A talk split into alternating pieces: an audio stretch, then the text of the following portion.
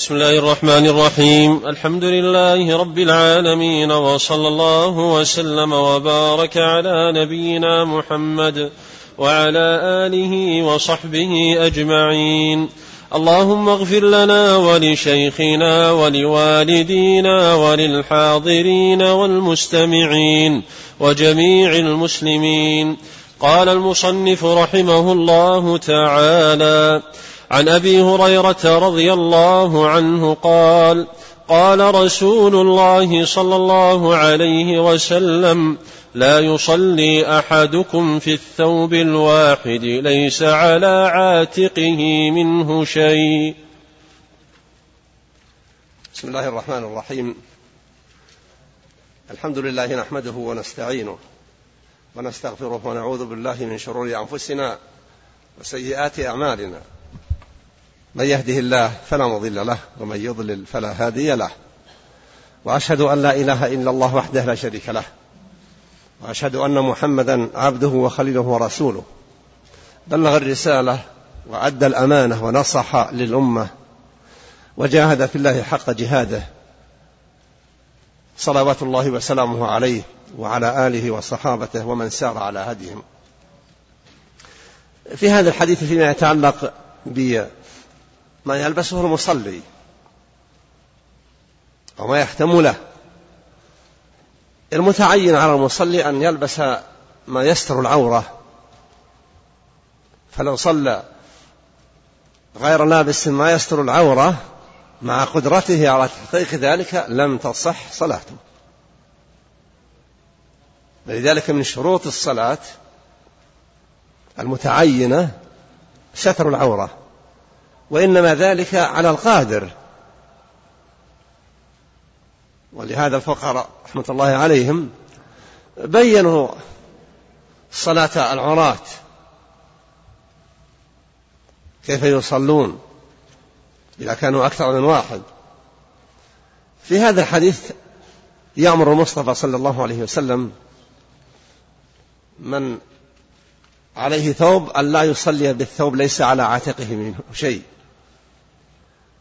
فهؤلاء الذين يصلون بالإزار مع قدرتهم على ستر العاتق يكونون قد خالفوا أمر رسول الله صلى الله عليه وسلم وصاروا تحت الخطر لأن الحلال والحرام والواجب والممنوع إنما يعلم عن طريق المبلغ عن الله رسالاته. فهو يقول صلى الله عليه وسلم لا يصلي أن أحدكم في الثوب الواحد ليس على عاتقه منه شيء. وقصده بهذا إذا كان يقدر. وأما من ليس له سوى إزار فقط. فلو وضع على عاتقه منه شيء لانكشفت العورة. والأوسع من ذلك والأهم العناية بأداء الصلاة بالملابس الحسنة لأن الله جل وعلا أمرنا بأخذ الزينة عند كل مسجد. يا بني آدم خذوا زينتكم عند كل مسجد أي عند كل صلاة. هو في مشقة أن يلبس الإنسان كل ما يتزين به. لأحواله لكن يسدد ويقارب أظن سبق أن ذكرت لكم قصة عبد الله بن عمر رضي الله عنه وعن أبيه وعن سائر الصحابة أجمعين. صلى أحد أبنائه حاسر الرأس لا غطاء على رأسه فوبخه عبد الله بن عمر. وقال ثقف تناجي الله جل وعلا. بهذه الحال.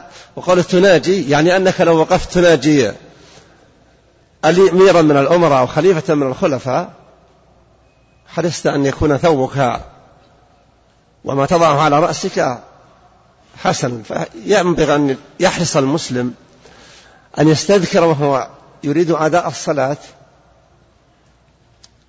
أن يصلي بقدر ما يتيسر له من الاعتناء بالستر. صحيح أن الصلاة يتعين لها ستر العورة وبين العلماء أن العورة المطلوب سترها من السرة إلى الركبة. لكن لو ستر العورة من السرة إلى الركبة بسراويل قصيرة تنزل عن الركبة. ولا ترتفع عن قصد البطن وكان بإمكانه يلبس أحسن من ذلك. كان عمله فيه إساءة أدب في هذا الموقف العظيم الذي هو أشرف مواقف العبد في حياته. أشرف مواقف العبد في حياته موقفه في الصلاة. فينبغي للمسلم أن يكون شديد الحرص على هذا الأمر. نعم. أحسن الله عليك وعن جابر بن عبد الله رضي الله عنهما عن النبي صلى الله عليه وسلم أنه قال من أكل ثوما أو بصلا فليعتزلنا وليعتزل مسجدنا وليقعد في بيته وأتي بقدر فيه خضرات خضر خضرات من بقول فوجد لها ريحا فسأل فأخبر بما فيها من البقول فقال قربوها إلى بعض أصحابه فلما رآه كره أكلها فقال كل فإني أناجي من لا تناجي. وعن جابر رضي الله عنه أن النبي صلى الله عليه وسلم قال من أكل الثوم والبصل والكراث فلا يقربن مسجدنا فإن الملائكة تتأذى مما يتأذى منه الإنسان. هذه الأحاديث الثلاثة تتعلق بأمر الرائحة. والمسلم ينبغي أن يحرص على ألا يكون بوضع تنبعث منه رائحة يتأذى منها من يصلي معه. أو تتأذى الملائكة الذين يصاحبونه هو يعذر في أمور محددة. في قضاء حاجته وأمثال ذلك. فالنبي نهى صلى الله عليه وسلم من يأكل البصل والثوم والكراث؟ أن يشهد الجماعة. وهذا فيه نوع عقوبة للشخص الذي يأكل من هذه البقولات مع ما ينبعث منها من رائحة لأنه إذا حرم الصلاة مع الجماعة فهذه عقوبة. ليست تكرمة. حتى يفرح من أكل ويقول جعل الله هذه البقلة راحتني من الذهاب إلى المسجد البعيد. وفي اللفظ فليقعد في بيته. ما دام أن الصلاة في المسجد تفضل صلاة الفرد في حيه أو في بيته بسبع وعشرين درجة أو جزء فإذا حرم ذلك فقد ضاع عليه خير كثير. ينبغي أن يحرص على اجتنابها. وفي بعض الأحاديث لا أدري هل ستأتينا أن النبي قال في هذه البقرة قال فاقتلوها يعني طبخا حتى يذهب ما قد يكون فيها من الرائحة الزائدة. ثم أخبر النبي أن الملائكة تتأذى مما يتأذى منه الناس. وأنتم تشاهدون إذا صلى أحدكم وبجانبه أحد ممن يأكلون الثوم وهو كثير عند بعض الناس لما يقولون فيه من الفوائد. والثوم له أثر حتى في العرق. عرق الإنسان الذي يعتاد أكل الثوم تظهر منه رائحة هذه البقلة.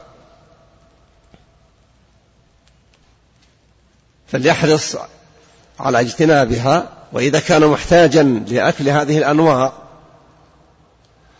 فليعتني بإزالة بواعث الروائح. ولو أن يستعمل النظافة القوية في ذلك أو يتناول طيبا إذا أمكنه. ولا الناس ليس عند أكثرهم يسر أمر الطيب يوجد عند الناس كثيرا من اليسر الذي هو في الماء. يغسل الإنسان أثر العرق عنه فتخف الروائح. لكن لكن تنفيذ ما رغبه صلى الله عليه وسلم ينبغي للمسلم أن يكون شديد العناية به. البصل والثوم ويلحق به الكرات ويلحق به أيضا سائر البخول التي تنبعث منها روائح سيئة. ولما جاءه قرب له بعض البخور المطبوخة شم صلى الله عليه وسلم لها رائحة فأمر بإقصائها عنه وقال لأحد أصحابه كل الصحابة رضي الله عنهم حريصون على آه، ترك ما يتركه رسول الله صلى الله عليه وسلم. فكأنه اشمأز من أكله. فقال له صلى الله عليه وسلم كل فإني أناجي من لا تناجي. النبي صلى الله عليه وسلم يناجي جبريل. وأما مناجاة مناجاة الله جل وعلا فالجميع يصلون له ويناجون الله. لكن النبي عليه الصلاة والسلام يأتي إليه جبريل ويبقى معه على حسب ما تقتضيه سفارة جبريل عليه السلام إلى النبي صلى الله عليه وسلم.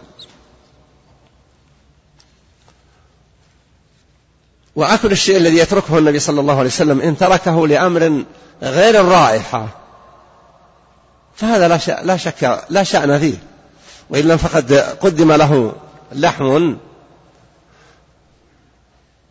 لحم ضباب فقالت إحدى نساء النبي أخبر النبي صلى الله عليه وسلم بما قرب له.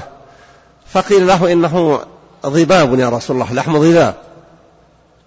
فأبعده وكان عنده خالد بن الوليد رضي الله عنه. قال أحرام هو يا رسول الله؟ قال لا. ولكنه ليس في أرض قومي فأجد نفسي تعافى. يقول خالد فاجتررته من بين يديه. جر الإناء الذي فيه هذا لحم الضباب. وأكلت ورسول الله صلى الله عليه وسلم ينظر. هذا بين النبي أنه ليس في رائحة مكروهة وإنما تعافه نفسه لأنه ليس مما اعتاد وجوده في مكة وما حواليها شرفها الله.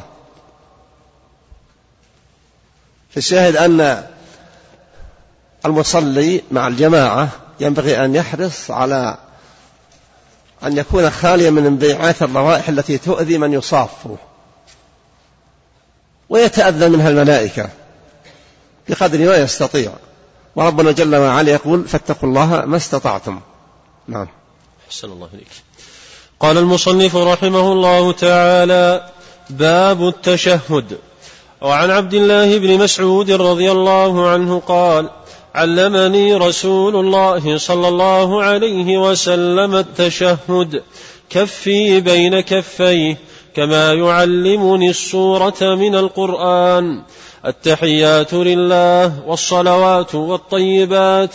السلام عليك أيها النبي ورحمة الله وبركاته. السلام علينا وعلى عباد الله الصالحين. أشهد أن لا إله إلا الله وأشهد أن محمدا عبده ورسوله.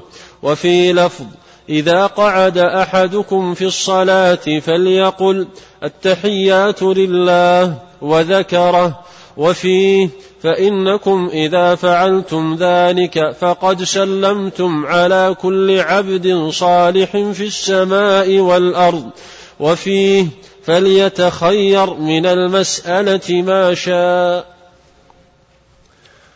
هذا الذي ساقه في هذا الحديث هو التشهد الأول.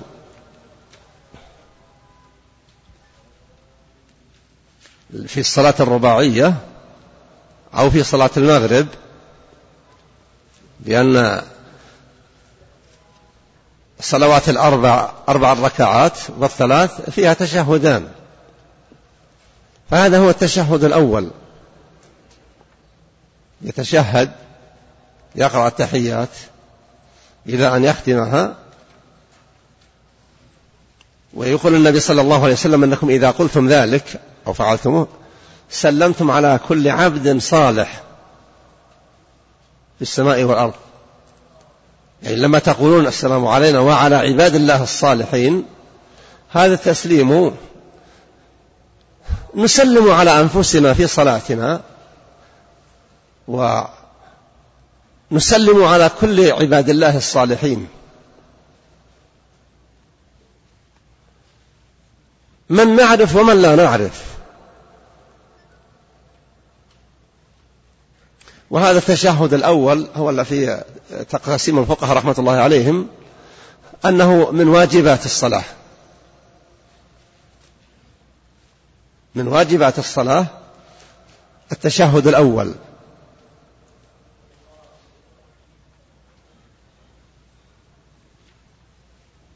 وكان النبي صلى الله عليه وسلم في صلاته في التشهد الأول ما لا يطيل وإنما كأنما جلس على الرضف الحجارة الحارة. وفي هذا الحديث ثم ليتخير من المسألة ما شاء. هذا فيما يتعلق بالصلاة على النبي صلى الله عليه وسلم. أظن سيأتي نصا في ما يرد من الأحاديث. اللهم صل على محمد وعلى آل محمد. وكما تعلمون الصلاة فيها أركان وفيها واجبات. فالتشهد الأول اللي بعد الركعتين الأوليين هو من واجبات الصلاة. من نسي وقام ولم يتشهد التشهد الأول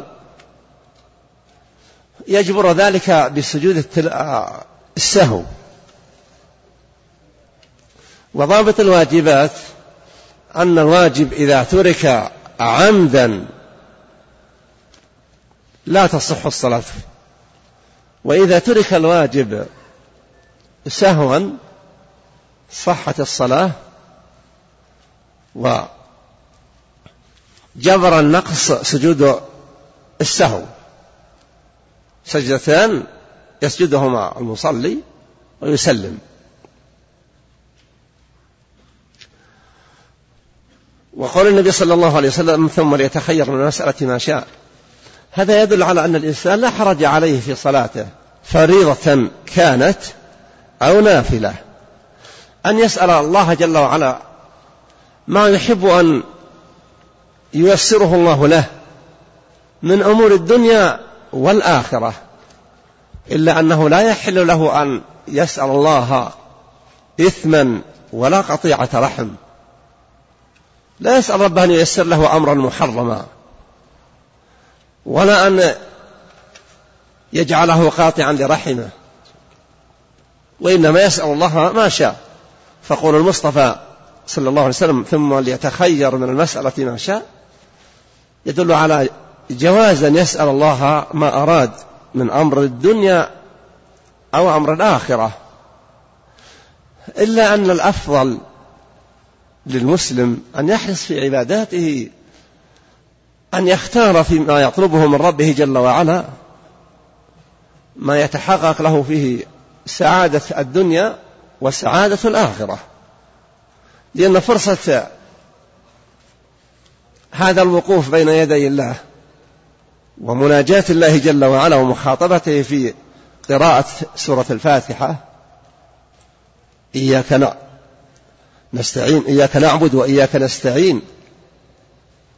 اهدنا الصراط المستقيم كأن هذا الموقف العظيم ينبغي أن يحرص أن تكون المطالب فيه مطالب عالية الشأن. ومما هو عالي الشأن أن يدعو الله للمسلمين بصلاح حالهم واستقامة أمورهم واندفاع الفتن عنهم وحفظ عقيدتهم عليهم وسلامتهم من الفتن بمختلف أنواعها. وإذا دعا لأفراد منهم يحب نفعهم بالخير فإنه أيضا يتسبب لي دعاء الملك له لأن من دعا لأخيه المسلم في ظهر الغيب وكر الله به ملكا. كلما دعا قال الملك ولك بمثل. فيحرص المسلم على نفع الآخرين. وفي وقتنا هذا الأمور في غاية الحرج. في أمور كثيرة من ما يضايق على الناس في أمور دينهم أو أمور دنياهم أو في أمور دينهم ودنياهم. فيحرص المسلم في الدعاء أن يفرج الله كربة كل مكروب وأن يهدي جل وعلا كل ضال وأن يصلح أحوال المسلمين في كل مكان وأن يعز دينه ويعلي كلمته وأن يصلح ولاة أمر المسلمين. ويجعلهم يخافون الله جل وعلا ويتقونه لأن هذه الدعوات فيها خير عظيم للأمة. نعم. أحسن الله إليك. وعن عبد الرحمن بن أبي ليلى قال لقيني كعب بن عجرة رضي الله عنه فقال ألا أهدي لك هدية؟ أن النبي صلى الله عليه وسلم خرج علينا فقلنا يا رسول الله قد علمنا كيف نسلم عليك فكيف نصلي عليك؟ فقال قولوا اللهم صل على محمد وعلى آل محمد كما صليت على إبراهيم إنك حميد مجيد.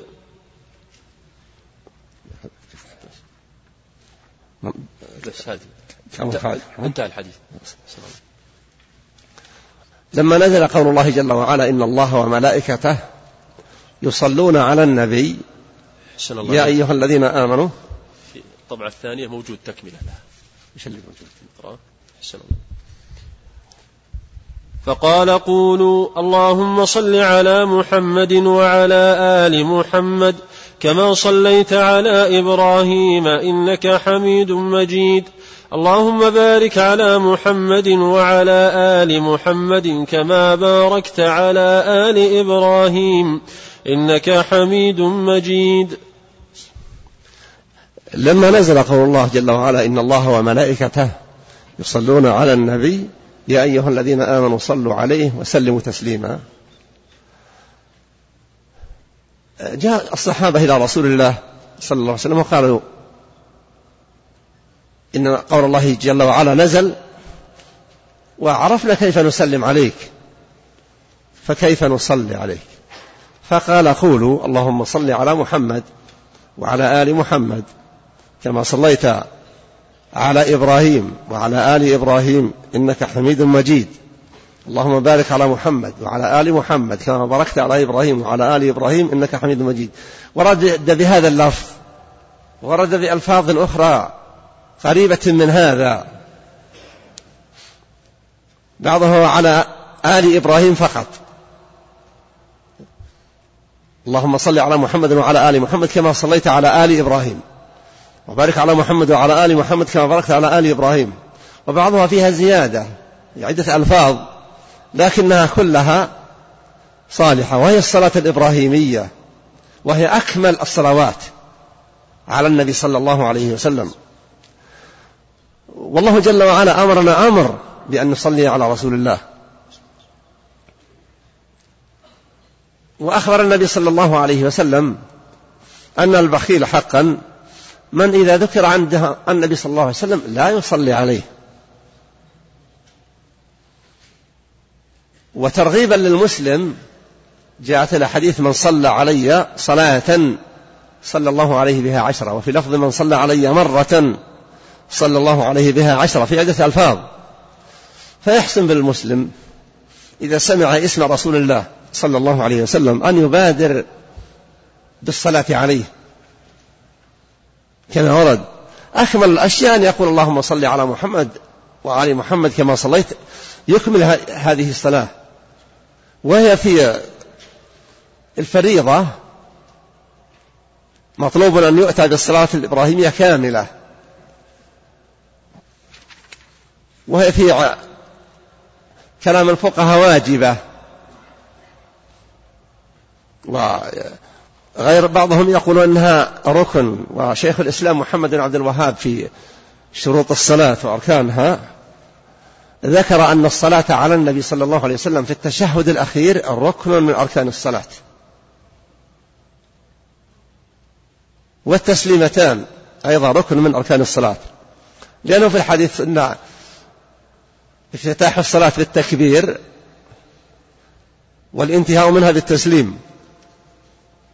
وذكر ذكر الصلاة على النبي صلى الله عليه وسلم بهذه الطريقة التي جاءت بنص كلام رسول الله. ولا يقول الإنسان اللهم صل على سيدنا محمد. خاصة في الصلاة. وأما في غير الصلاة الأمر سهل إلا أن الأكمل الاكتفاء. إلا أن الأكمل الاكتفاء بما نطق به الرسول صلى الله عليه وسلم. فينبغي للمسلم أن يحرص عليها. ثم هي في التشهد. وعلى القول الذي هو إن شاء الله الحق أنها في التشهد الأخير أي التشهد الذي يعقبه السلام إذا كانت رباعية أو ثلاثية أو كانت الصلاة ركعتين. ينبغي أن يقرأ المصلي التشهد كاملا والصلاة على النبي صلى الله عليه وسلم كاملة. وقد ورد أيضا فيها زيادة. أمر النبي صلى الله عليه وسلم المصلي أن يستعيذ بالله من أربع مسائل. اللهم إني أعوذ بك من عذاب جهنم ومن عذاب القبر ومن فتنة المحيا والممات ومن فتنة المسيح الدجال. والحديث في صحيح مسلم. فيحرص الإنسان في هذه الأم في هذه العبادات أن يحرص بقدر ما يستطيع على استحضار ما يسأل ربه جل وعلا. تحقيقه له. نعم. أحسن الله إليك. وعن أبي هريرة رضي الله عنه قال كان رسول الله صلى الله عليه وسلم يدعو اللهم إني أعوذ بك من عذاب القبر ومن عذاب النار ومن فتنة المحيا والممات ومن فتنة المسيح الدجال وفي لفظ لمسلم إذا تشهد أحدكم فليستعذ بالله من أربع. يقول اللهم إني أعوذ بك من عذاب جهنم. ثم ذكر نحوه. ذكر إياها لأني قرأتها أمس في شرح عمدة الفقه. لما هو أني باق حافظها الدنيا في هذه الفترة. هذه الأشياء ما دام النبي يقول استعيذوا بالله من الأربع. بعض الفقهاء يقول أنها واجبة. لأن الأصل في أوامر النبي صلى الله عليه وسلم أنها للوجوب. كما أن نواهيه صلى الله عليه وسلم الأصل فيها أنها للتحريم. والذي ينبغي للمسلم أن يحرص على تنفيذ ما يأمر به رسول الله صلى الله عليه وسلم. وأن يحرص على الانتهاء عما نهى عنه رسول الله صلى الله عليه وسلم. الله في الأوامر يقول وما آتاكم الرسول فخذوه. ويقول عن النواهي وما نهاكم عنه فانتهوا. فيحرص المسلم. ويفعل هذه الأفعال امتثالا للأمر. أمر الله جل وعلا وأمر رسوله صلى الله عليه وسلم. الصحابة رضي الله عنهم يرون ما يأمر به الرسول أن الله أمر به. ولهذا لما قال عبد الله بن مسعود حديث لعن الله الواصلة والمستوصلة جاءت امرأة وقالت كيف تلعن الواصلة والمستوصلة وكذا قال لماذا لا؟ ألعن من لعنه رسول الله صلى الله عليه وسلم وإنه لفي كتاب الله. قالت المرأة هذه لعبد الله بن مسعود ويبدو أنها في العراق لأن أهل العراق هم أهل المناقشات. قالت لقد قرأت ما بين لوحتي المصحف فلم أجد فيه ما تقول. قال إن كنت قرأته فقد وجدته قالت قرأته. قال ألم يقل الله وما آتاكم الرسول فخذوه وما نهاكم عنه فانتهوا؟ يعني رضي الله عنه وأرضاه أن كل ما نهى عنه النبي صلى الله عليه وسلم فهو داخل في نهي الله وكل ما أمر به النبي صلى الله عليه وسلم داخل في أمر الله لأنه المبلغ عن الله جل وعلا رسالاته. فيحرص المسلم على الاستعاذة لأن آه، ترك الاستعاذة من هذه المسائل الأربع عذاب جهنم وعذاب القبر وفتنة المحيا والممات وفتنة المسيح الدجال يكون قد ترك شيئا واجبا على قول من يقول بوجوبه ثم لو لم تكن واجبة فالنجاة من هذه الأمور السلامة من عذاب جهنم وعذاب القبر. والسلامة من فتنة المحيا والممات والسلامة من والسلامة من فتنة المسيح الدجال. كل هذه إذا حصلت فهو خير عظيم. والنبي أخبر صلى الله عليه وسلم لما ذكر ما يخشى منه وذكر الدجال قال وشر غائب ينتظر. نعم. أحسن الله إليك.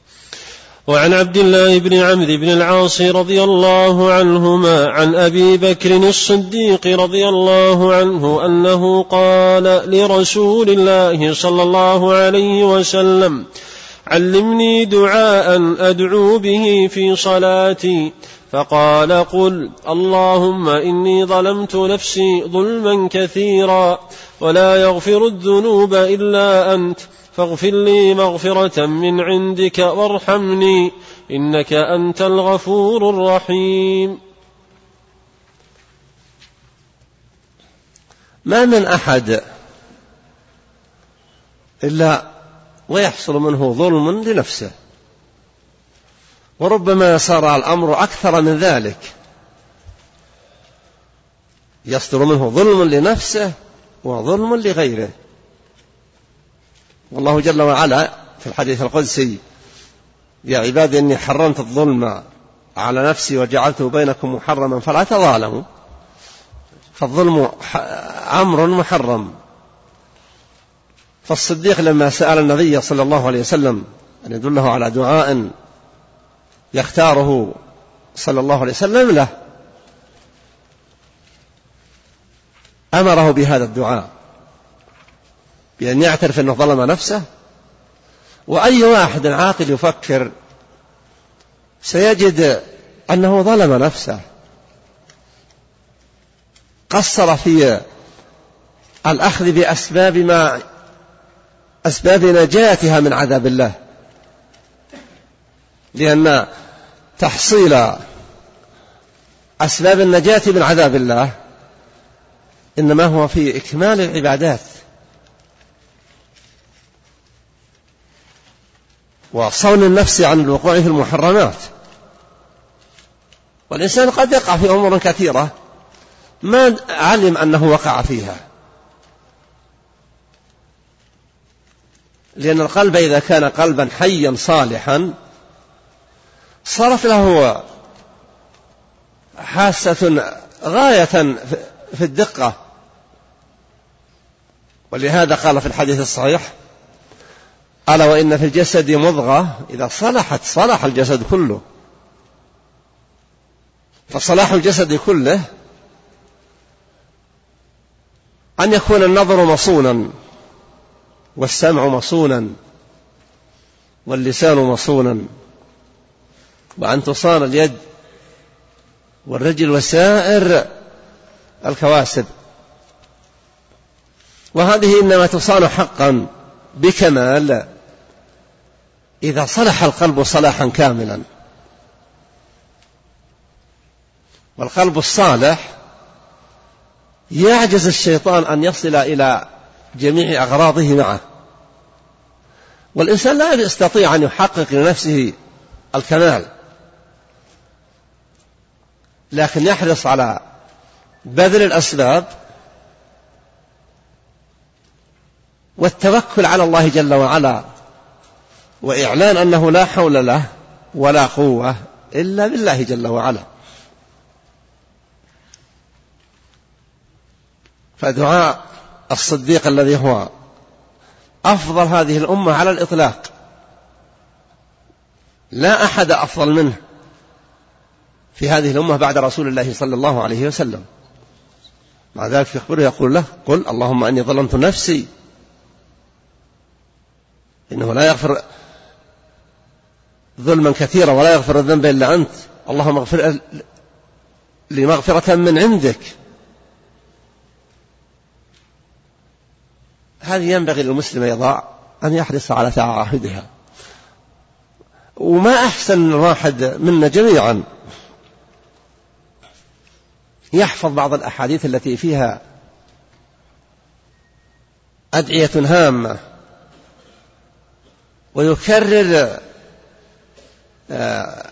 تطبيقها عمليا بدعائه بلسانه حتى تستقر وحتى يألفها قلبه ولسانه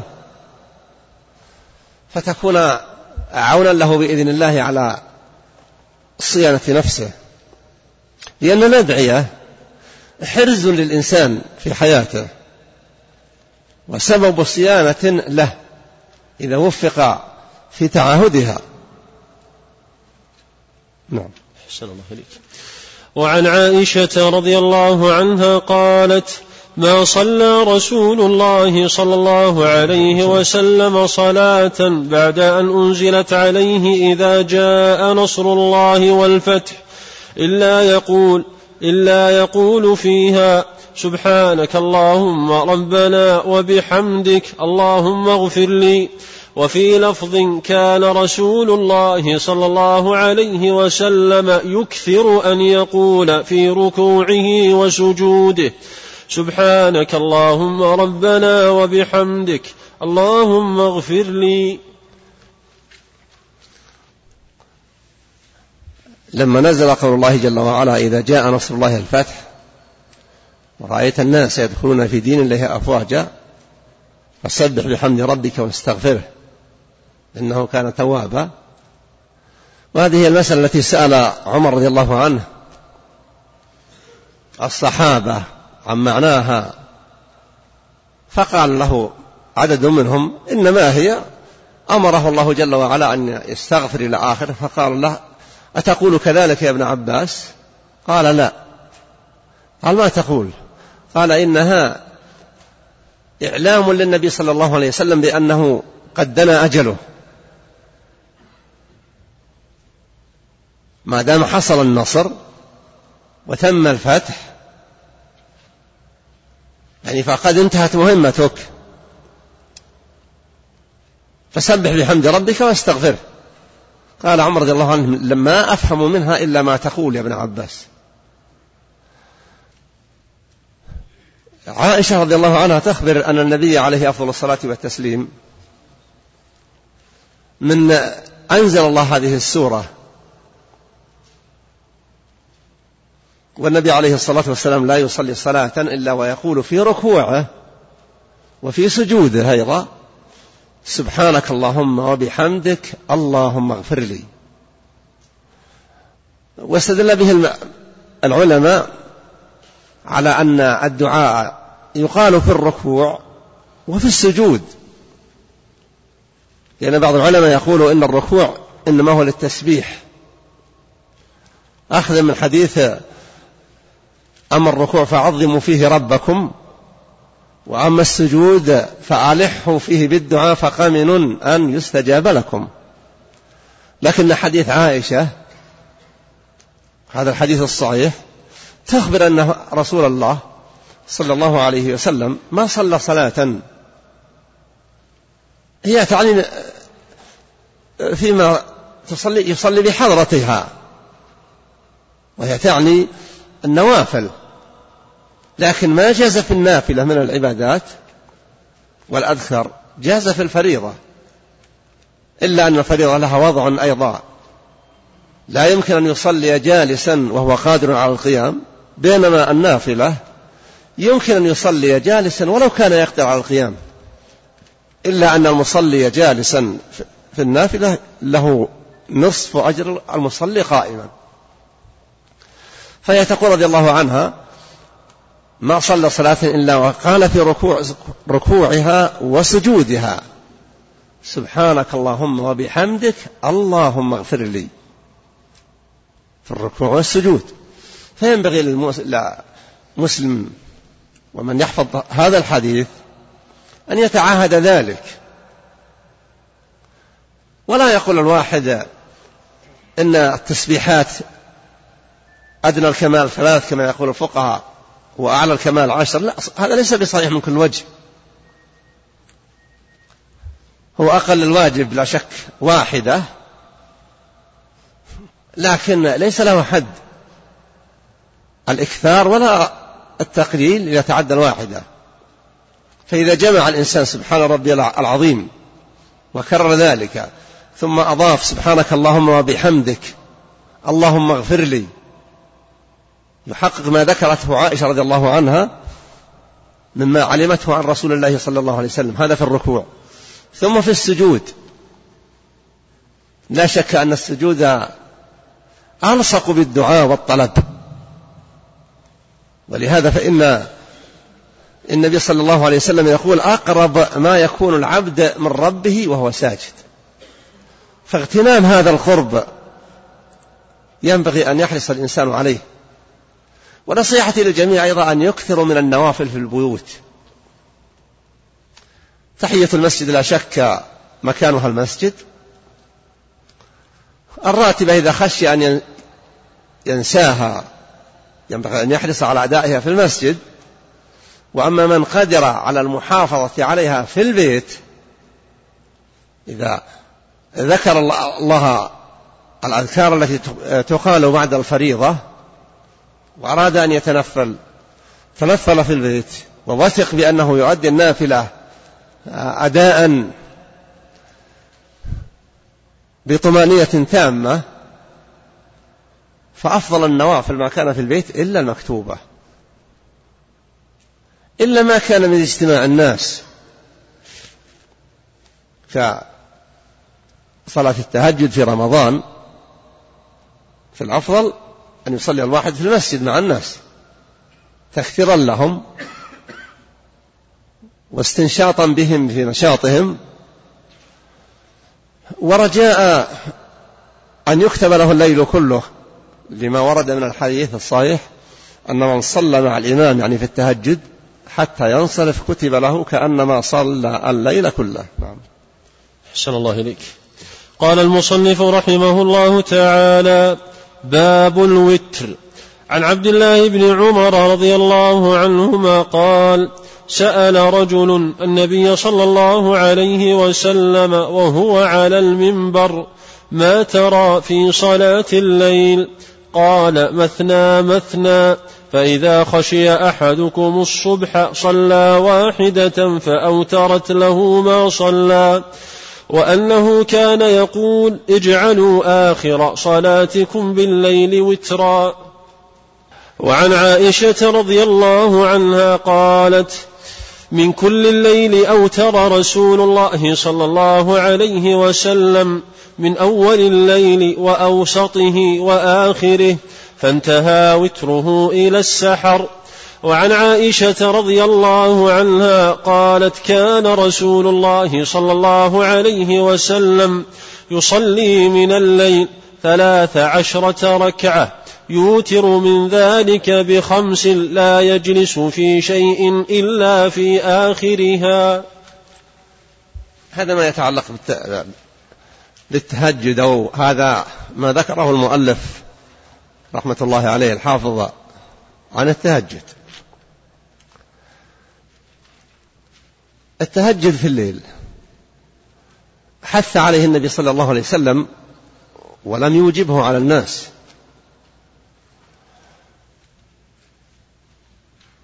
وأفضل ما يكون من التهجد أن يكون آخر الليل.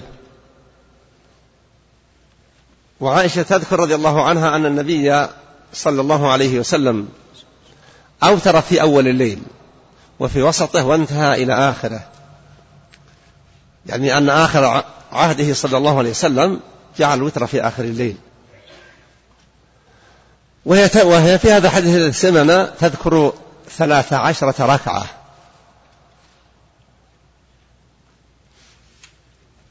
وقد ثبت ذلك أيضا من حديث ابن عباس ومن حديث أم سلمة أن النبي صلى الله عليه وسلم صلى التهجد ثلاث عشرة. وعائشة في حديث آخر يبدو لم يذكره المؤلف تقول ما زاد رسول الله صلى الله عليه وسلم في رمضان ولا غيره على إحدى عشرة ركعة. وهذا الحديث يبين أن قولها ما زاد ليس على إطلاقه فهي تقول صلى ثلاث عشرة ركعة. وتذكر أنه سل أنه يصلي خمسا من هذه الصلوات لا يجلس إلا للتشهد إلا للسلام. في التشهد الأخير. والسائل الذي سأله صلى الله عليه وسلم عن صلاة الليل وهو على المنبر عن صلاة الليل قال صلاة الليل مثنى مثنى. يعني ركعتين ركعتين تسلم من كل ركعتين. فإذا خشي أحدكم الصبح صلى ركعة توتر له ما مضى. هذا الحديث حديث جابر رضي الله عنه. هو جابر ولا ابن عمر؟ عبد الله بن عمر. ها؟ عبد الله بن عمر رضي ابن عمر أو عمرو. ابن عمر. هذا الحديث حديث عبد الله بن عمر وما ذكرته عائشة. ليس معناه أنه لا يصح إلا نفس هذا الشيء. ففي حديث عائشة أنه يصلي خمسا لا يسلم إلا عند بعد الأخيرة. وهناك ألفاظ أخرى أنه ربما صلى الوتر سبع ركعات لا يتشهد إلا بعد السادسة يتشهد ثم يقوم ويأتي بركعة ثم يتشهد ويسلم وفي لفظ تسع ركعات. هذا الجواز يجوز. وأما الأفضل هو ما قاله جوابا للسائل الذي سأله على المنبر صلاة الليل مثنى مثنى. هذا الحديث صلاة الليل مثنى مثنى يدل على أنه لا حد لنهاية التهجد لا لإحدى عشرة ولا ثلاث عشرة ولا خمس عشرة ولا سبع عشرة ولا تسع عشرة فالصحيح جواز ذلك. ولهذا فهم السلف في القرون الأولى أن هذا الأمر جائز بأكثر من إحدى عشرة أو ثلاث عشرة. لكن النبي صلى الله عليه وسلم عندما يصلي ثلاث عشرة ركعة كان لما ثقل جسمه يجلس يقرأ فإذا بقي أربعون آية أو خمسون آية على الركوع قام وأتى بالبقية. يعني أن قراءته جالسا أكثر مما يقرأ واقفا. من هذه الخمسين فيدل على أنه كان يطيل القيام ويطيل الركوع ويطيل السجود ويطيل الوقوف بعد الركوع ويطيل الجلوس بين السجدتين. فهو إذا صلى ثلاث عشرة ركعة تأخذ قدرا كبيرا من الليل. وسبق ذكرت لكم وكثير منكم يعلمه. أن النبي صلى الله عليه وسلم صلى ومعه أحد الصحابة في الليل فشرع في صلاته بسورة البقرة. يقول الصحابي فقلت يركع بالمئة. يعني إذا وصل المئة الآية المئة ركع فمضى. يقول فقلت يركع بها فمضى. فأتمها ولم يركع. ثم شرع في سورة النساء لم يرتب السور. ثم بعد ذلك شرع بسورة آل عمران. كل ذلك في ركعة واحدة. إلا أن هذا نادر لكنه جائز. إذا كان يصلي هذه السور أكثر من خمسة أجزاء في ركعة واحدة فكون الصلاة ثلاثة عشر ركعة أو إحدى عشرة ركعة يمكن تأخذ أكثر الليل. وقصدي من هذا أن من يقول إن صلاة التهجد إحدى عشرة ركعة لا تزيد كلام خطأ. مفهوم قول المصطفى صلاة الليل مثنى مثنى وهذا من من الألفاظ العربية الدالة على التكرار. الذي لم ينتهي إلى غاية إلا إذا خاف الفجر. أن أفجأة يصلي ركعة حتى توتر له صلاته. وأنا أنصح الحاضرين أن يحرص الواحد منهم في بيته أن يتهجد. من حفظ حفظ ومن لم يحفظ القرآن يصلي يقرأ في المصحف. هو من جانب يضيء المنزل بالقراءة. ويكون سبب خير لهذا المنزل وييسر له كثرة القراءة ليعظم تحصيل الحسنات المترتبة على القراءة ثم أيضا ليكثر تعاهده للقرآن الكريم. وليراه من في المنزل من امرأة أو بنات أو بني أو بنون حتى يقتدى به. والنبي أخبر أن الله جاعل في بيوتنا من صلواتنا خيرا أو نورا. الوتر ينبغي للمسلم يتعاهد النبي أوتر أول الليل وأوتر وسط الليل وأوتر آخره. وسأل الصحابة رضي الله عنهم سأل أبا بكر كيف يعمل في وتره فقال أوتر قبل أن أنام. فسأل عمر فقال أوتر آخر الليل يا رسول الله. فقال لأبي بكر أخذت بالحزم. يعني خشيت ألا تستيقظ فأخذت بالحزم. وقال لعمر أخذت بالقوة. وحديث أبي هريرة رضي الله عنه وهو في الصحيح يقول أوصاني خليلي بثلاث لا أدعهن. أوصاني أن أوتر قبل أن أنام. فالذي يخشى أنه يستيقظ آخر الليل يأخذ بوصية النبي صلى الله عليه وسلم لأبي هريرة. وأوصاني بصيام ثلاثة أيام من كل شهر. وأوصاني بركعتي الضحى. هي وصية عظيمة. الإيتار قبل النوم إذا خشى الواحد أنه لا يستيقظ فالحزم كما قال النبي لأبي بكر. والصيام الصيام ثلاثة أيام لمن غلب نفسه وقوى قوي عليها يصير يكون كأنه صام الدهر كله. وركعة الضحى النبي أخبر كما يبدو أني أشرت أكثر من مرة لكم آه، أن النبي أخبر أن ابن آدم يصبح في كل يوم العبد وقد وجب عليه أن يبذل ستين وثلاثمائة صدقة في كل يوم. فقال الصحابة من يقدر لا ليس كلنا يقدر على ذلك. فقال النبي صلى الله عليه وسلم إن بكل تكبيرة صدقة وبكل تهليلة صدقة وبكل تسبيحة صدقة وأمر بالمعروف صدقة والنهي عن المنكر صدقة وإرشادك الضال في الطريق للطريق صدقة ومساعدتك العاجز عن حمل متاعه صدقة وصناعتك للأخرق حاجته صدقة وكفك أذاك عن الناس صدقة على منك على نفسك ثم قال ويجزئ من ذلك ركعة الضحى فإذا تعهد الواحد منا في الضحى وصلى ركعتين أو أربع لكن الركعتين هي التي جاء النص فيها. آه، قضت عنه ستين وثلاثمائة صدقة. هذا تيسير من المولى الكريم جل, وعلا لا مثيل له. وصلاة الضحى أيضا لها وضع آخر.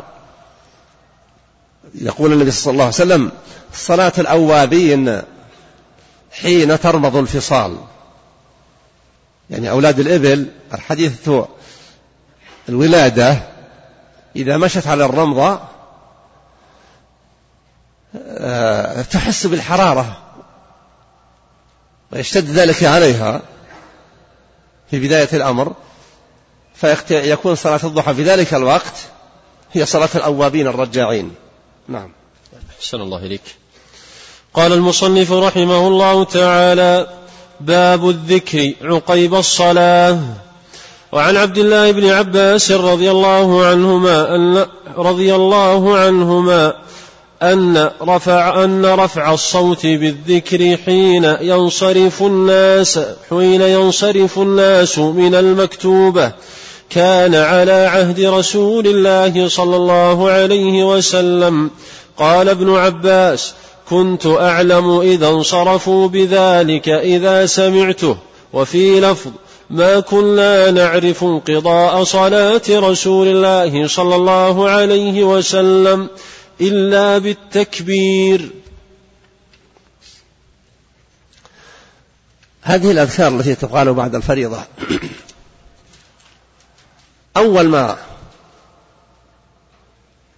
يتوجه المصلي إذا سلم بعد انتهائه من صلاته أن يستغفر الله. كما في الحديث الصحيح من حديث المغيرة بن شعبة وغيره في الصحيحين. أن يقول أستغفر الله.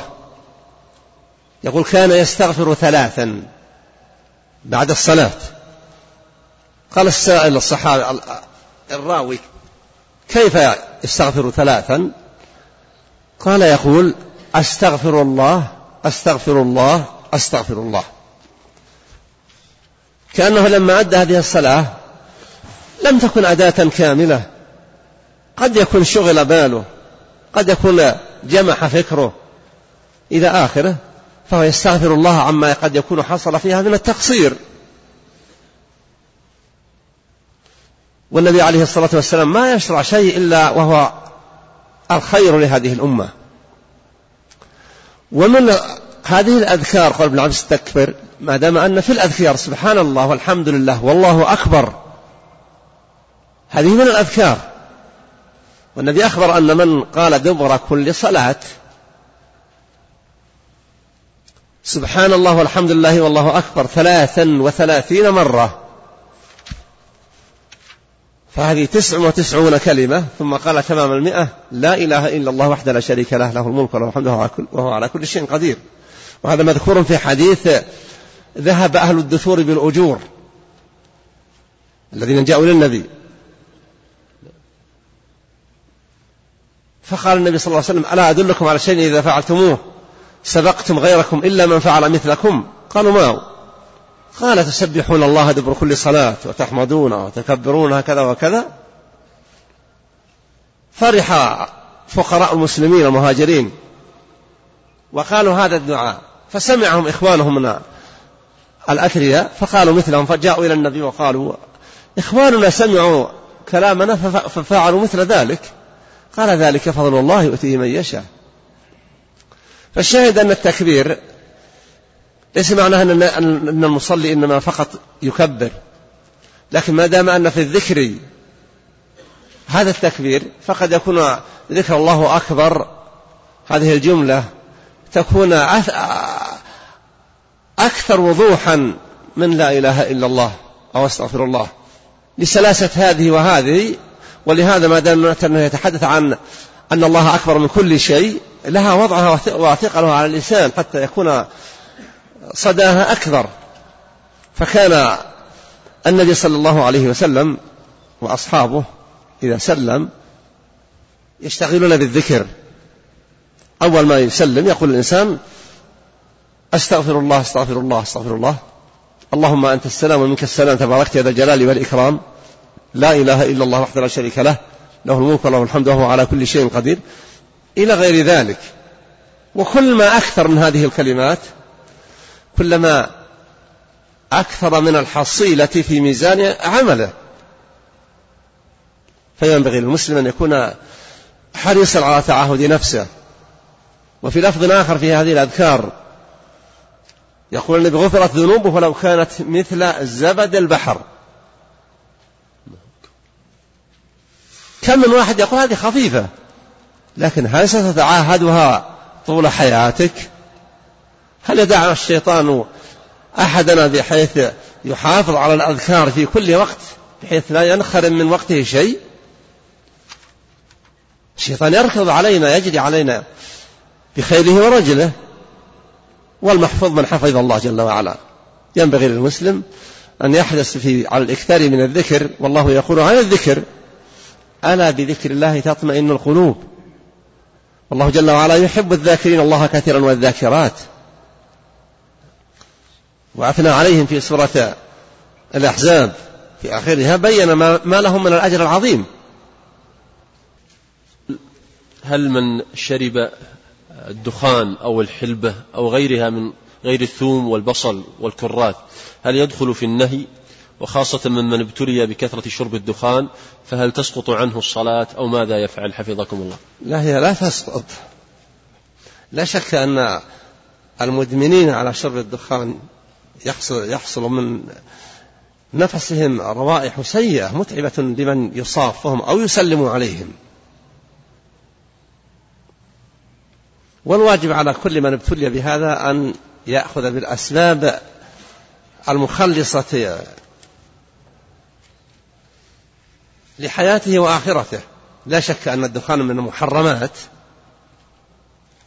ولا يمكن أن يقال هذا من المكروهات فقط. لكن لو كان من المكروهات لكان ينبغي للعاقل أن يتجنب المكروهات. فكيف وهذا من المحرمات. فليس من الطيبات. الله جل وعلا أحل لنا الطيبات من الرزق وحرم الخبائث. فهو ليس من الطيبات وإنما هو من الخبائث. فيجب عليه أن يسعى في علاج نفسه لترك هذا الداء المنتن.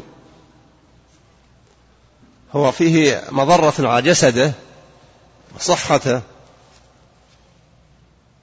ومن أعظم أسباب تلف القلب وفساد الرئة حسب ما يقولون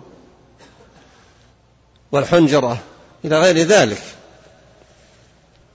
من الأشياء البدنية التي يعرفها غالب الناس. فيجب عليه أن يتجنب هذا الشيء. وإذا ابتلي بهذا الشيء أن يحرص على استعمال طيب يضاد هذه الروائح المنتنة.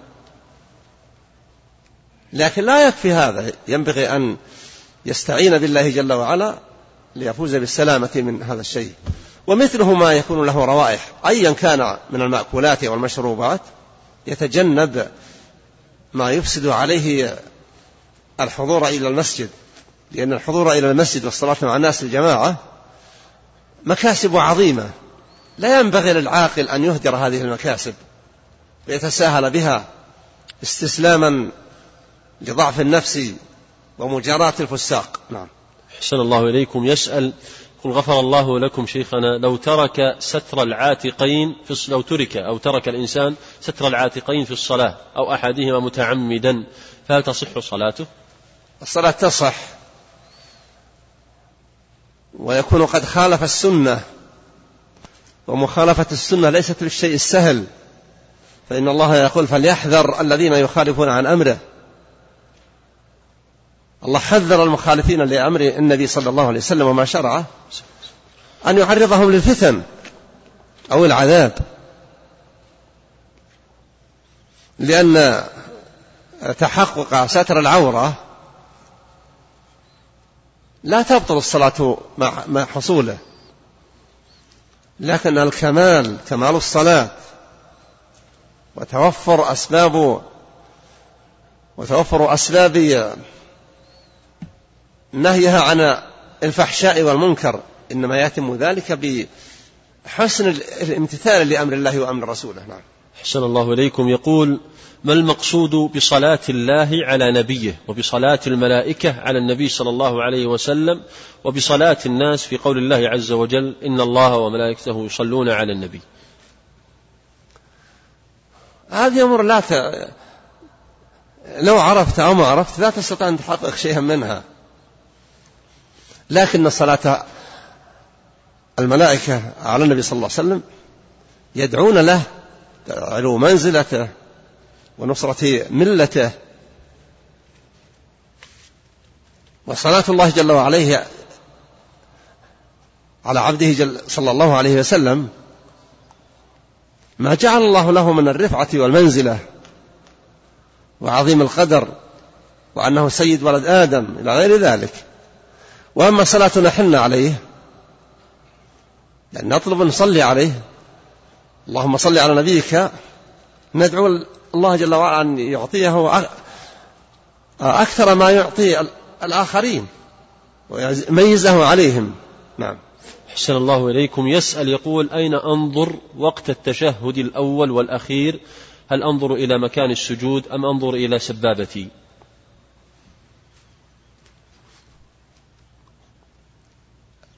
انظر إلى ما أمامك لأنك يمكن إذا سبابتك وهي مائلة سببت لك ميلا قليلا عن القبلة. فانظر إلى موضع الاتجاه. نعم.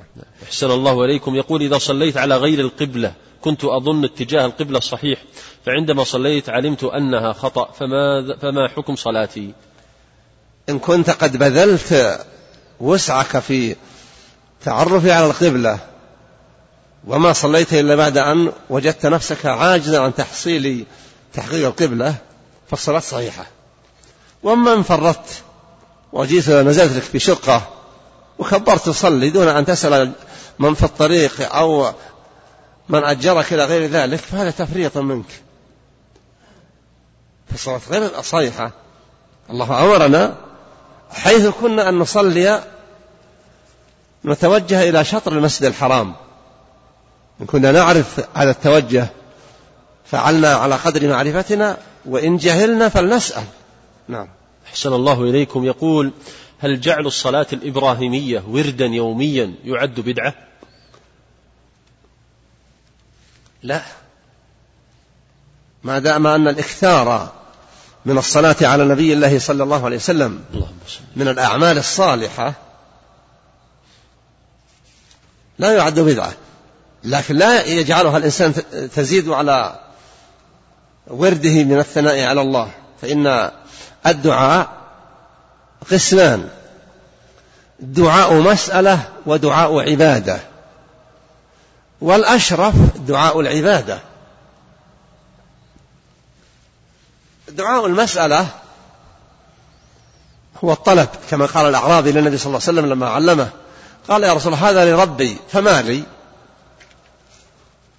قال أقول لك اللهم اغفر لي الآخرة دعاء العبادة أن تقول اللهم أنت الله الحي القيوم ذو الجلال والإكرام بيدك الخير اللهم وتثني على الله. هذا اسمه دعاء العبادة. ولهذا قال النبي صلى الله عليه وسلم خير الدعاء دعاء عرفة. دعاء يوم عرفة. وخير ما قلت أنا والنبيون من قبلي لا إله إلا الله وحده لا شريك له له الملك وله الحمد وهو على كل شيء قدير. هذا الدعاء الذي هو خير الدعاء ليس فيه موضع واحد فيه الطلب. لكن ما دام أن فيه لا إله إلا الله وحده لا شريك له له الملك وله الحمد وهو على كل شيء قدير. يعني ما بقي شيء تطلب إلا عن طريق من له كل شيء جل وعلا. أحسن الله إليكم. يسأل يقول ما المراد بفتنة المحيا والممات؟ أما فتنة المحيا فهذه الفتن التي تعصف بالناس. وقد ذكر النبي صلى الله عليه وسلم أنها في آخر الزمان تكثر. والله قال للصحابة يعني هم المعنيون الأول واتقوا فتنة لا تصيبن الذين ظلموا منكم خاصة. عن تفسير هذه الآية يقول أحد الصحابة ظن الزبير بن عبد بن العوام ما كنا نظن أنها موجهة لنا.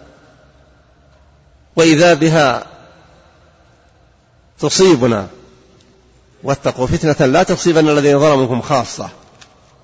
لما حصلت فتنة اللي بين الصحابة في في قصة الجمل إلى آخره فذكرها ذكرت هذه في تفسير القرآن في عن الزبير بن العوام رضي الله عنه.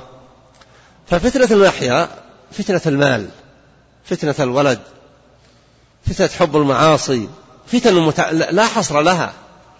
والنبي ذكر أنها تعرض كأعواد الحصير الذي ينسج. فإذا زادت ربما تراكمت وغطت القلب فصار لا يسمع ولا يبصر. فتنة المحيا ولهذا لما سأل عمر رضي الله عنه الصحابة عن الفتن قال من يعرفها؟ قال حذيفة أنا قال إنك لجري يعني إنك حافظ ذاكر. قال فتنة الرجل في ماله وأهله تكفرها الصلوات. قال لست أسأل عن ذلك. أسأل عن تلك التي تموج. قال التي تموج كموج البحر قال لي قال ما لك ولها يا أمير المؤمنين؟ إن بينك وبينها بابا مغلقا. قال يفتح الباب أم يكسر؟ قال بل يكسر. قال إذا لا يغلق. قال أجل. بعدما مات عمر سأله الصحابة التابعون سأل حذيفة. قال كان عمر يدري من الباب؟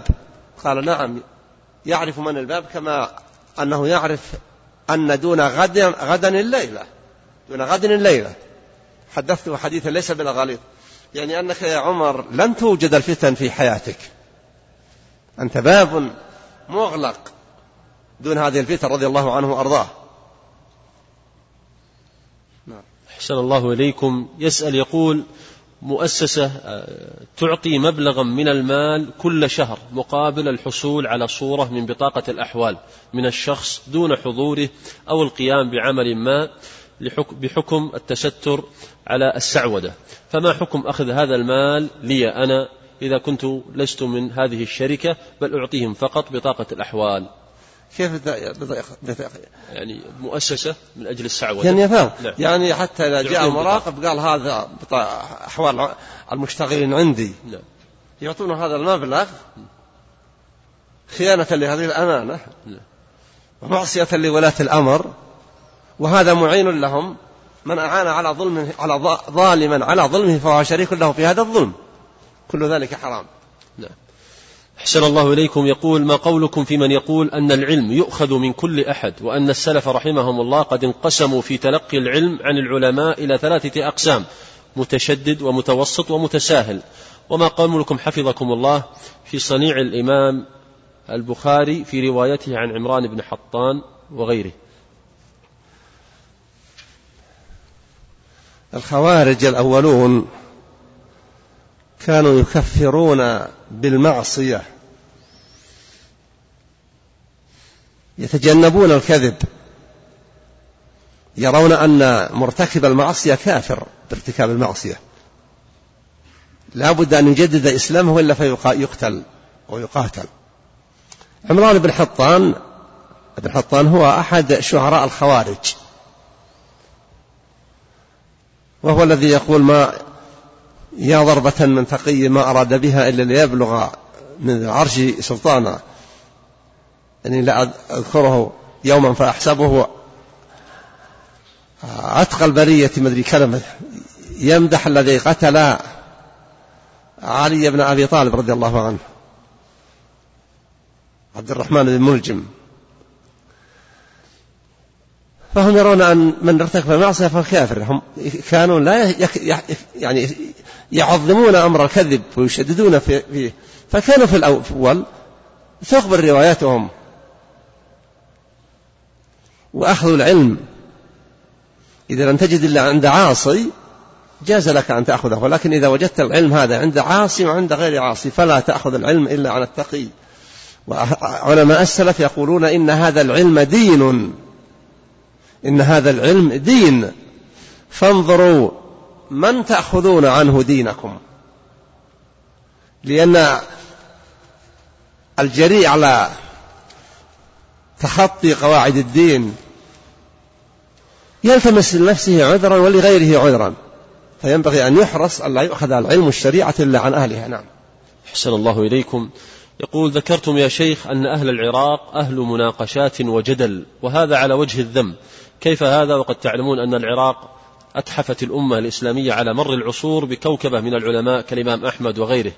فكيف يجمع بين هذا وبين ما قلتم؟ حفظكم الله. لما جاءت المرأة لتسأل عائشة رضي الله عنها مسائل قالت لها عائشة أحرورية أنت؟ أنت من أهل الحروراء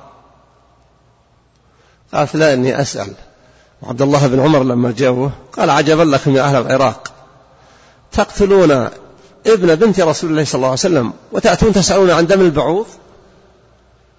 وأخشى أن أخونا صاحب هذا السؤال من العراق أصلا. لا شك أن العراق حصل فيها خير كثير. أول شيء محمد أحمد بن حنبل شيباني من بني شيبان وليس من العراق. وبنو شيبان هم الذين قال فيهم الشاعر وأنتم بذقار أمانت سيوفكم رؤوس الذين استرهنوا قوس حاجبي. وحاجب هذا سيد بني تميم حاجب بن زرارة الذي طلب من ملك من كسرى أن يمكنهم من الرعي في السواد في النهر لأننا نجد أمحلت فقال له كسرى إنكم معشر العرب غدر من يكفلك؟ فجاء حاجب بن زرارة بقوسه وقال هذا رهينة. فضحك كسرى فقال له مترجم لا إنه إذا أخفرك بعد خان بعد هذا تعيره العرب. فبقي القوس هو مات حاجب بن زرارة ولم يسلم أدرك الإسلام. فيقول هذا الشاعر يمدح بني شيبان يقول إذا افتخرت يوما تميم بقوسها وأربت على ما عددت من مناقب فأنتم بذي قار. أمالت سيوفكم رؤوس الذين استرخنوا قوس حاجبي لا شك أن العراق حصل فيه خير كثير لكن التشيع أصله وجد في العراق وفتنة الخوارج وجدت في العراق والقدرية وجدوا في العراق. فكونه يوجد في العراق وأنه أهل النقاش لا شك وعلم الكلام والذي عابه علماء السلف هو نشر نشأ في العراق. وما وراءه هو الذي لعله يقال ونجد قرن الشيطان. هي أنجاد ما وراء العراق من جهة فارس. وأما في وقتنا الحاضر فنسأل الله أن يفرج كربة العراقيين ويكشف ضرهم. وأن لا يسلط على سياستهم الشيعة. ولا ندري ماذا سيكون أمرها. هم كانت كان العراق في السابق إلى وقت ليس بالبعيد لا يتجاوز نسبة الشيعة في العراق يمكن 42% إلى وقت غير بعيد. وفي هذه الفترة الأخيرة هذه الآن أحوال الانتخابات تدل على أن أكثر النجاح للشيعة. فنسأل الله أن يحسن عاقبة المسلمين. أحسن الله إليكم. لكن هذا لا يدل على ما في خير. في خير كثير. هو في خير كثير لكن خطبة الحجاج يا أهل العراق يا أهل النفاق. أحسن الله إليك. معروفة. نعم. سماحة الشيخ يقول فهمنا من جوابك على أحد الأسئلة التي سمعتها يظهر خارج الدرس على أن المخالفات المرورية وزيادة المبلغ فيها لا يعد من الربا. فلم أفهم الإجابة فلو وضحتموها حفظكم الله. ما ما هذه هذه مرجعها للمرور. أنا أخبرت؟ قلت لا الخبرة عن هذه الشيء المرور. هل هي تزيد؟ أو أن المرور لما وضع المخالفات هي لا شك أن هذه المخالفات أنها, إنها لمصلحة الناس. لو ترك الناس يسيرون كما يشاءون لتعظمت المصائب وكثرة الوفيات. مع أنها الآن كثيرة. الوفيات في المملكة بسبب حادث المرور كثيرة جدا. فكيف لو كان الأمر سهلا وميسرا؟ الإنسان اللي ركب السيارة وشاف أن رأى الطبلون يصل إلى فوق المئتين لا يتورع في أن يسير بقدر ما تعطيه السيارة. أما لو أنهم قالوا إنها المبلغ كذا وإذا ما جاء زاد كذا وإذا زاد كذا سنمكن يقال هذه مضاعفة. ثم هذا ليس بدين هذا جزاء. هذا داخل في شروط ليس هذه مداينات. حتى يقول هذا ربا يزيد. هذا ليس دين بين من عليه هذه المخالفة وبين الدولة. وإنما الدولة قالت عليه هذا المبلغ. إن سدده إلى يوم كذا فهو هذا المبلغ وإن لم يسدده نرتفع إلى الحد الأعلى. نعم.